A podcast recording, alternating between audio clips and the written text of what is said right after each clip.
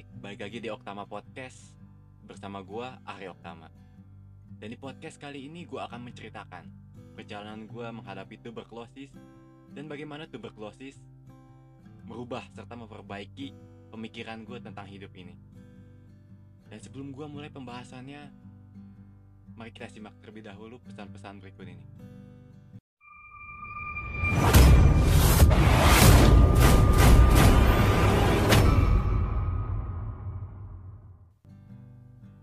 Tuberkulosis bukanlah penyakit yang baru layaknya COVID-19. Tuberkulosis sendiri sudah ada 410 sebelum Masehi. Awal penyebutan dari penyakit ini adalah Phthisis di daratan Yunani kuno. But ya, yeah, gue gak akan menceritakan tentang tuberkulosis dan teori-teori yang udah ada. Tapi gue akan menceritakan bagaimana tuberkulosis menjadi hal yang berubah pemikiran gue tentang hidup ini. Di mana gue awal menjalani karir serta pendidikan, gue berpikir bahwa gue harus mendapatkan semuanya untuk mendapatkan pengakuan dari orang lain. Gue gak mau orang lain menganggap gue rendah. Sampai gue lupa bahwa hidup ini bukanlah tentang materi belaka. Banyak hal yang menjadikan hidup ini lebih berarti serta lebih bermanfaat. Dan di sini tuberkulosis berhasil membuat gue kembali pada poin yang benar. Menggugurkan setiap ego yang gue punya, keras kepalaan gue, dan menyadarkan gue bahwa materi bukanlah segalanya. Awal kisah ini dimulai di bulan Agustus tahun 2019. Tepatnya 5 Agustus. Kala itu suntuk, penat, sehabis aktivitas berkuliah, bekerja, ya menarik selimut di ranjang kesayangan adalah alasan yang paling tepat untuk meluruhkan segala lelah ini. Namun, pukul 22.45 waktu Indonesia bagian Barat, hal itu terjadi. Gue batuk dan tidak berhenti-henti. Seperti ada yang ingin keluar dari rongga mulut gue. Gue berpikir, mungkin itu dahak. Mungkin itu cairan biasa seperti liur. Dan kala itu kamar gue sudah gelap karena gue matiin lampunya. Uh, gue merasa ya ya udah gue bisa lap itu dengan tisu yang ada di dekat tempat tidur gue. Tapi cairan ini tidak ingin berhenti. Terus menyeruak dari rongga mulut gue. Karena gue penasaran, gue nyalain lampu kamar gue, dan gue di situ kaget. Yang keluar ini bukanlah cairan liur ataupun dahak layaknya orang batuk atau tersedak. Itu darah. Ya, itu darah. Sebagai manusia biasa, gue kaget. Sangat kaget serta terpukul. Apa yang membuat gue sampai seperti ini? Gue memiliki masalah dalam pencernaan, ya, penyakit lambung. Mah, GERD, apa pun itu yang kalian sebut. Apa ini penyebabnya? I don't know. Darah tidak ingin berhenti kala itu. Panik hanya panik yang gue pikirkan di situ. Gue berteriak memanggil ayah gue. Ayah, ayah dan ayah. Ayah gue datang, menghampiri gue yang sudah terpungkur jatuh karena seluruh tubuh gue tiba-tiba terasa bergetar serta sakit. Orang tua gue, ibu, dan ayah gue datang menghampiri gue dengan muka yang pucat. Ibu gue menangis. Keempat adik gue pun menangis. Di situ gue hanya bisa melihat mereka menangis. Sambil menahan rasa sakit gue serta berusaha untuk menahan darah yang keluar dari rongga mulut gue. Tak berselang lama gue dibawa ke UGD di salah satu rumah sakit di kota Bogor. Mendapatkan penanganan pertama dan situ masih gue merasakan lemas pada seluruh tubuh gue. Terkadang tangan ini bergetar. Dan ya, gue terlelap dalam lelahnya hari itu dan terbangun di keesokan harinya. Dokter meminta gue untuk diperiksa lebih lanjut. Ini bukan mah tapi ini seperti pendarahan yang sudah ada sekian lama di mana udah terjadi pendarahan yang cukup lama. Karena warna dari darahnya sendiri adalah gelap. Menghela nafas. Gue hanya bisa menghela nafas situ karena gue tidak tahu apa yang terjadi pada diri gue tes demi tes dilakukan oleh pihak rumah sakit endoskopi. Su tak selang masuk ke rongga pencernaan gue dan gue di situ berasa seperti orang bodoh. Ya gue merasa seperti orang bodoh. Di mana gue harus membuka mulut gue dalam waktu yang cukup lama. Ngacai di situ. Ngacai sangat banyak di tempat tidur yang gue tempati. Endoskopi selesai. Dan dokter menanyai gue tentang gejala-gejala apa saja yang pernah terjadi pada diri gue gue bilang gue batuk pilek uh, bersin bersin sakit lambung. Batuk sudah berapa lama? Sambung dokter itu. Gue menjawab ah saya lupa ya gue bener-bener kayak nggak bener-bener nggak aware dengan kondisi diri gue sendiri gitu. Dan gue hanya menerka-nerka mungkin 4 minggu ya dok. 4 minggu. Dokter menyauti gue seolah-olah dia kaget gitu kan. Itu cukup lama mas. Kenapa nggak diperiksa? Gue udah periksa gitu padahal gue udah periksa gitu. Gue ada beberapa kali ke dokter minum obat batuk yang ada di apotek atau minimarket. Ya kayak gue merasa itu ya batuk biasa lah gue kayak ya udah gitu itu bakal sembuh. Nggak perlu yang bertele-tele yang sampai gue harus ke rumah sakit menjalani pemeriksaan-pemeriksaan yang menyita waktu gitu. Dokter meminta gue untuk tes dahak. Tes dahak gitu. Gue baru mendengar gitu. Karena ya gue sangat jarang ke rumah sakit sekalipun gue sakit gue merasa ya sistem recovery tubuh udah cukup lah dengan istirahat. Terlebih padatnya aktivitas gue gue kerja kuliah bahkan gue punya side job juga. Seperti yang gue bilang di awal gitu gue kayak workaholic lah.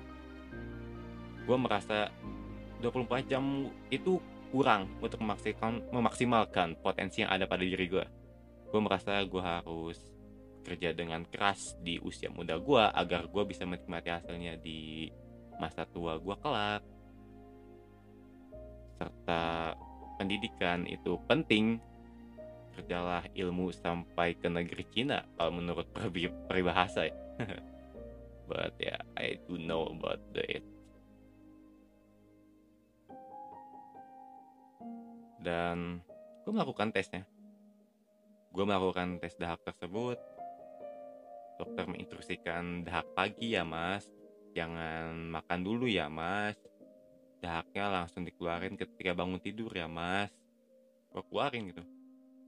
Bukan hal yang sulit ketika itu karena gue merasa dahak pada rongga mulut gue ini sangat banyak. Dengan santai gue keluarin. Gue bawa ke lab. Tiga hari. Tiga hari pemeriksaan tiga hari selepas pemeriksaan hasilnya keluar BTA plus tiga atau dua gue lupa.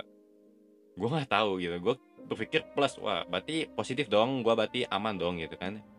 Gue kasih ke dokter dan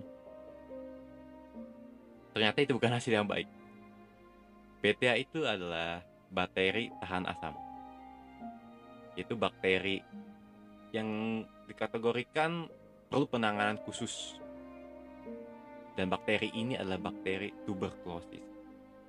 Mycobacterium tuberculosis. Di situ gue nggak merasa kayak gue bukan perokok gitu. Kok gue bisa kena tuberkulosis? Dokter memberikan edukasi ke gue. Di mana pasien tuberkulosis itu belum tentu perokok belum tentu mereka yang merokok itu akan terkena tuberkulosis. Edukasi demi edukasi diberikan kepada gue. Dan gue mulai memahami dari tuberkulosis ini. jujur ketika gue diberitahu gue tuberkulosis situ pemikiran gue sederhana. Gue besok bakal mati. Gue mungkin korban sinetron atau ya film-film yang kalau udah oh, udah batuk darah nih bakal nggak ada usia gitu. Gue berpikir ya udah gue menjalani semua protokol yang lu kasih. Terserah lu lu mau ngasih protokol gue apa gue akan ikutin dokter memberikan edukasi gue di mana gunakan masker. Karena penyebaran dari tuberkulosis ini adalah airborne. Airborne adalah penyebaran penyakit penularan penyakit melalui udara di mana si bakteri ini bisa menyebar ketika gue berbicara ketika gue batuk ketika gue bersin. Apa pun itu ketika gue mengeluarkan udara dari mulut gue ada kemungkinan besar dari bakteri ini akan turut di dalamnya. Gue situ bener-bener aware gue beli masker. Masker belum semahal sekarang ya masker bedah. Gue pakai masker gue tidur pakai masker segala macam gue pakai masker. Gue selalu mengingat step by step yang diberikan dokter. By the way dokternya namanya dokter Ika. Thank you so much dokter Ika yang udah nge-guide gue sampai gue bisa sembuh dan memberikan edukasi serta tidak lelah ngeladeni kepanikan gue sama gue masa pengobatan. Dan balik ke storiesnya. Dokter minta gue untuk beristirahat cukup. Ya ini ada problem gue seperti yang gue bilang tadi gue merasa 24 jam itu tidak cukup untuk memaksimalkan potensi gue dan gue sekarang diminta istirahat cukup. Berarti gue nggak bisa nge-side job dong. Berarti gue harus mengurangi waktu gue untuk bermain untuk menikmati waktu gue yang biasanya gue lakuin. Akhirnya banyak hal yang berubah semenjak gue difonis karena tuberkulosis ini. Yaitu gue mulai menghargai waktu. Dan gue mulai berubah. Merubah pola makan gue merubah pola pikir gue di mana materi bukanlah segalanya.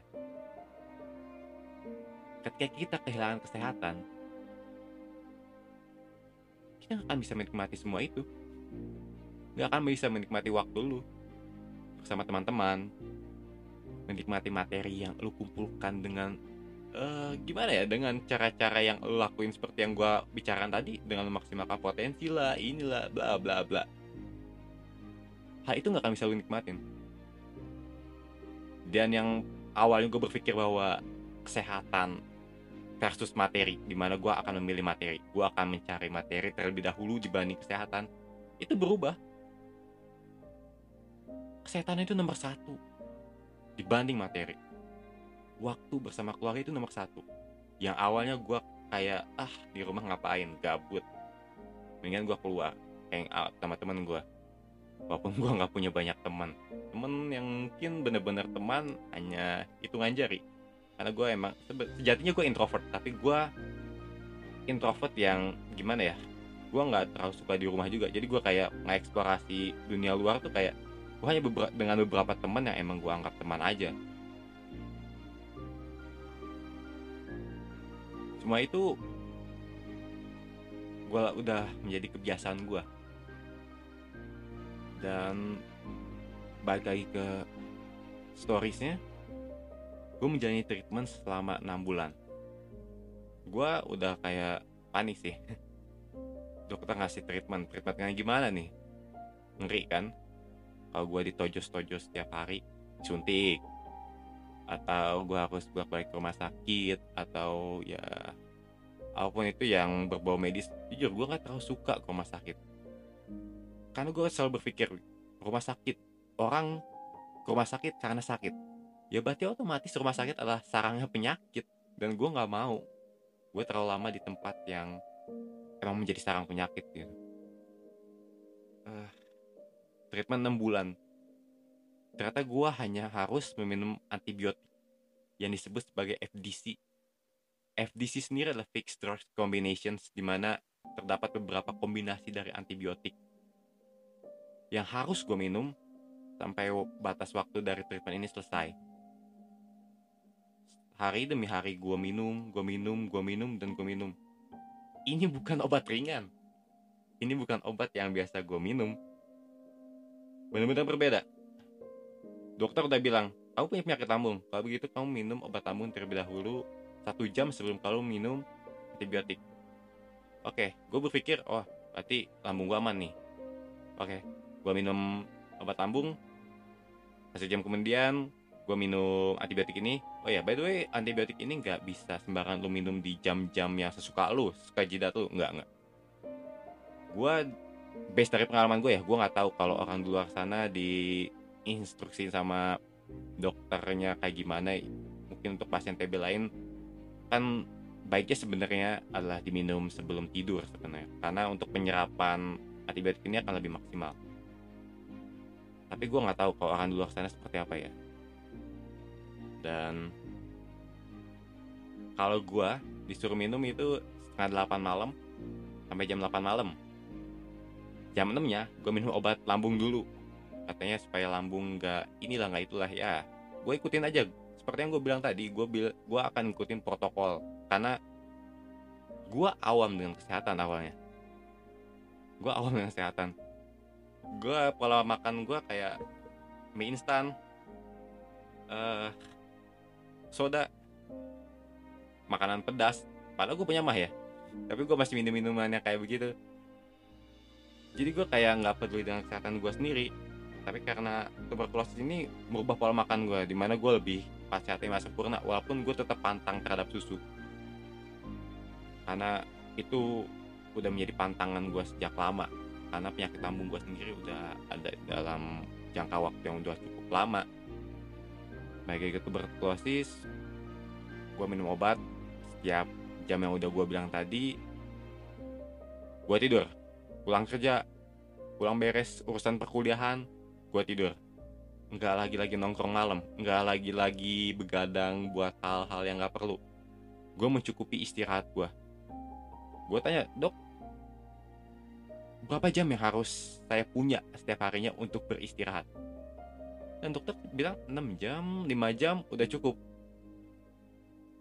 Oh gue yang biasanya tidur sehari itu mungkin 4 jam. Berarti gue kekurangan 2 jam.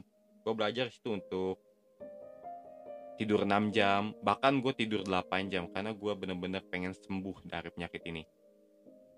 Gue melakukan beberapa hal. Terus gue bilang ke dokternya juga setiap gue datang ke rumah sakit untuk pengambilan obat karena pengambilan obatnya ini seminggu sekali di tahap pertama. Jadi ada dua tahap ya. Untuk treatment 6 bulan ini, dua bulan pertama adalah intensif. Empat bulan berikutnya adalah lanjutan.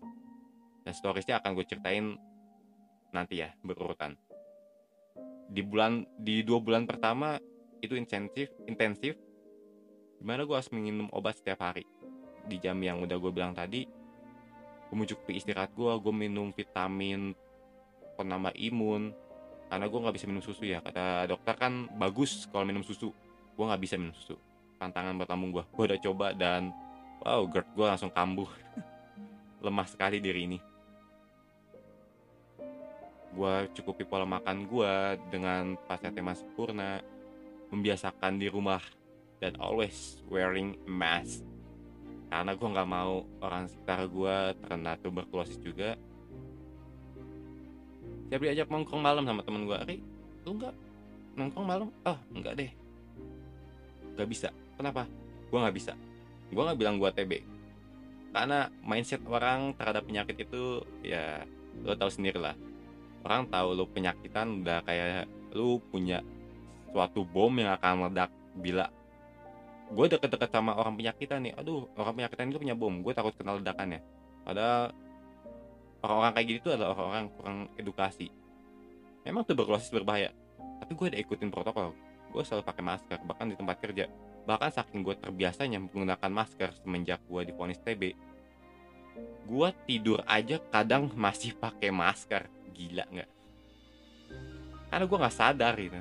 Karena udah kayak terbiasa aja.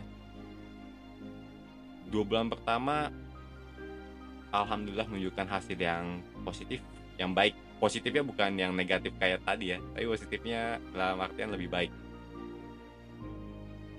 Tes dahak lagi selepas dua bulan treatment hasilnya alhamdulillah sebenarnya udah negatif di bulan di dua bulan pertama ini. Dan gue masuk ke tahap selanjutnya pengobatan lanjutan. Di sini gue melihat obatnya berbeda ya bentuknya.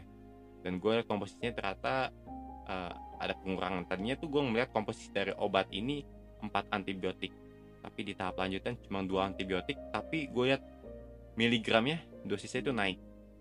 Dan efeknya tetap sama.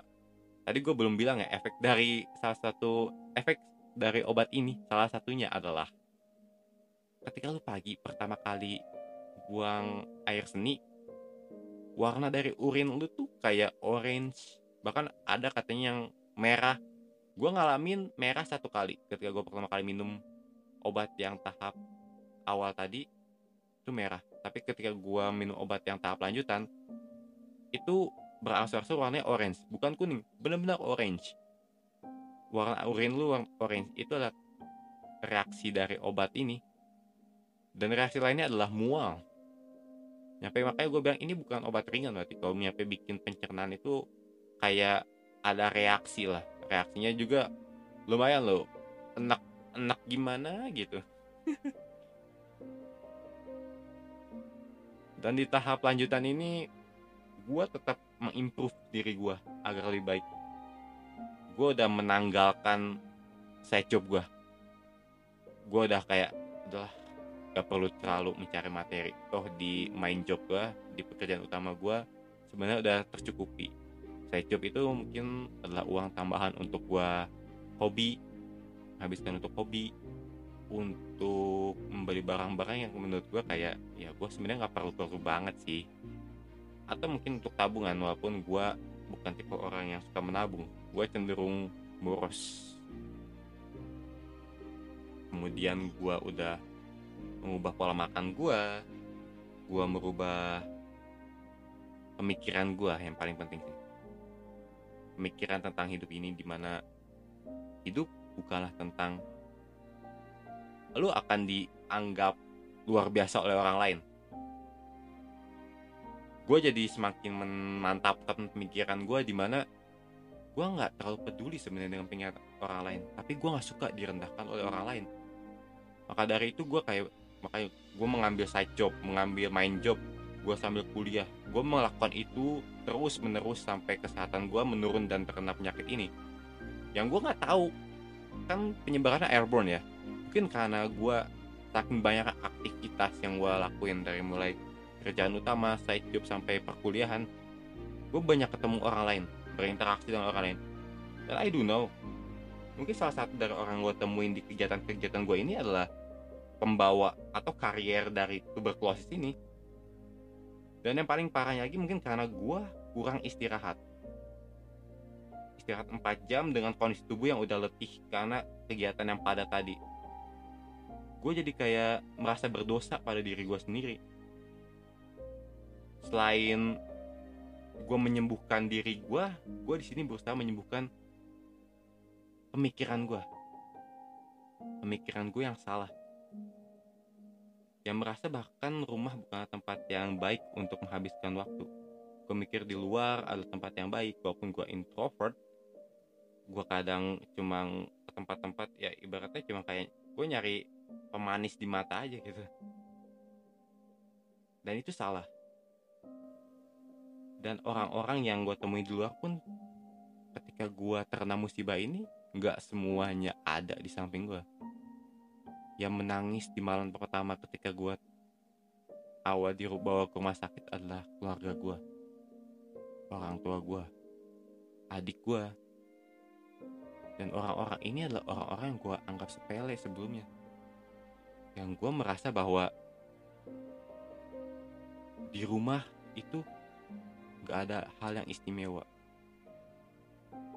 Dan gue berusaha bekerja keras bukan untuk mereka tapi kayak untuk mendapatkan pengakuan dari orang lain bahwa gue tidak ingin direndahkan. Yang sebenarnya pemikiran seperti itu adalah pemikiran yang salah. Hal yang benar adalah orang pertama yang harus gue bahagiakan adalah orang tua gue keluarga gue mereka yang selalu ada di samping gue dan hal yang ternyaman yang sebenarnya ada di dunia ini adalah rumah di rumah lo bisa mendapatkan kehangatan yang mungkin gak akan abadi. Seiring dengan adik lu yang bertambah dewasa, orang tua lu yang menua, mungkin one day kehangatan ini berangsur-angsur menghilang, termakan oleh usia. Dan seharusnya, selama ini tuh gue gak mencari kehangatan di luar, melainkan gue menghangatkan apa yang gue punya di rumah. Home, sweet home. Dan karena tuberkulosis ini, gue tersadar akan hal ini. Mungkin Tuhan ingin menyampaikan pesan ini dari penyakit yang turun pada tubuh gue. Dan gue menganggap ini adalah hal yang positif sebenarnya. Seandainya penyakit ini tidak menampar gue, menampar, ya menampar dengan keras, mungkin gue nggak akan lebih menghargai waktu bersama keluarga. Gue akan menghabiskan waktu di luar, gue dan di pengobatan lanjutan ini empat bulan berlalu dengan cepat dengan melakukan kebiasaan-kebiasaan positif yang udah gue dapatkan di bulan-bulan awal.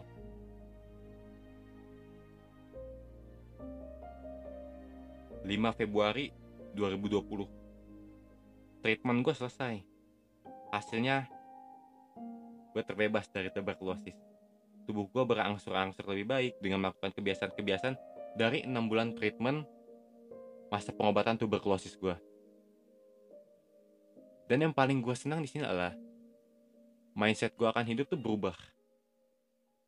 Dengan melakukan kebiasaan-kebiasaan di rumah bersama keluarga gue. Dan gue mulai menanggalkan bahwa gue harus mencari pengakuan orang lain. Gue mulai berpikir bahwa apa yang dipikirkan orang lain itu belum tentu sesuai dengan apa yang lo lakuin. Dan setiap orang selalu memiliki arah dari mataharinya sendiri. Layaknya lu seorang pelaut. Seorang nahkoda selalu memiliki tujuannya masing-masing.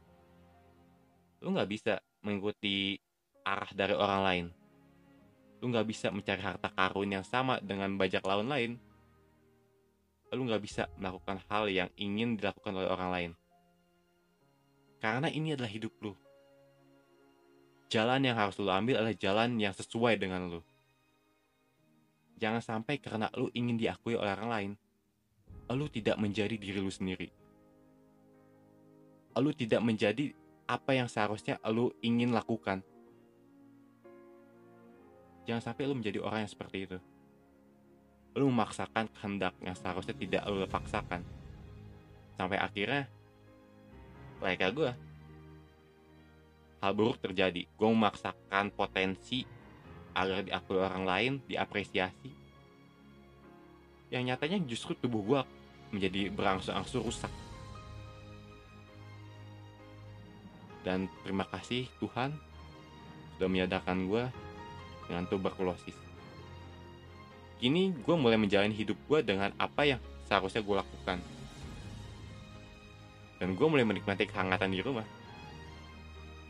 Gue mulai mendapatkan hal yang sebelumnya gue jarang dapatkan di mana quality time bersama keluarga.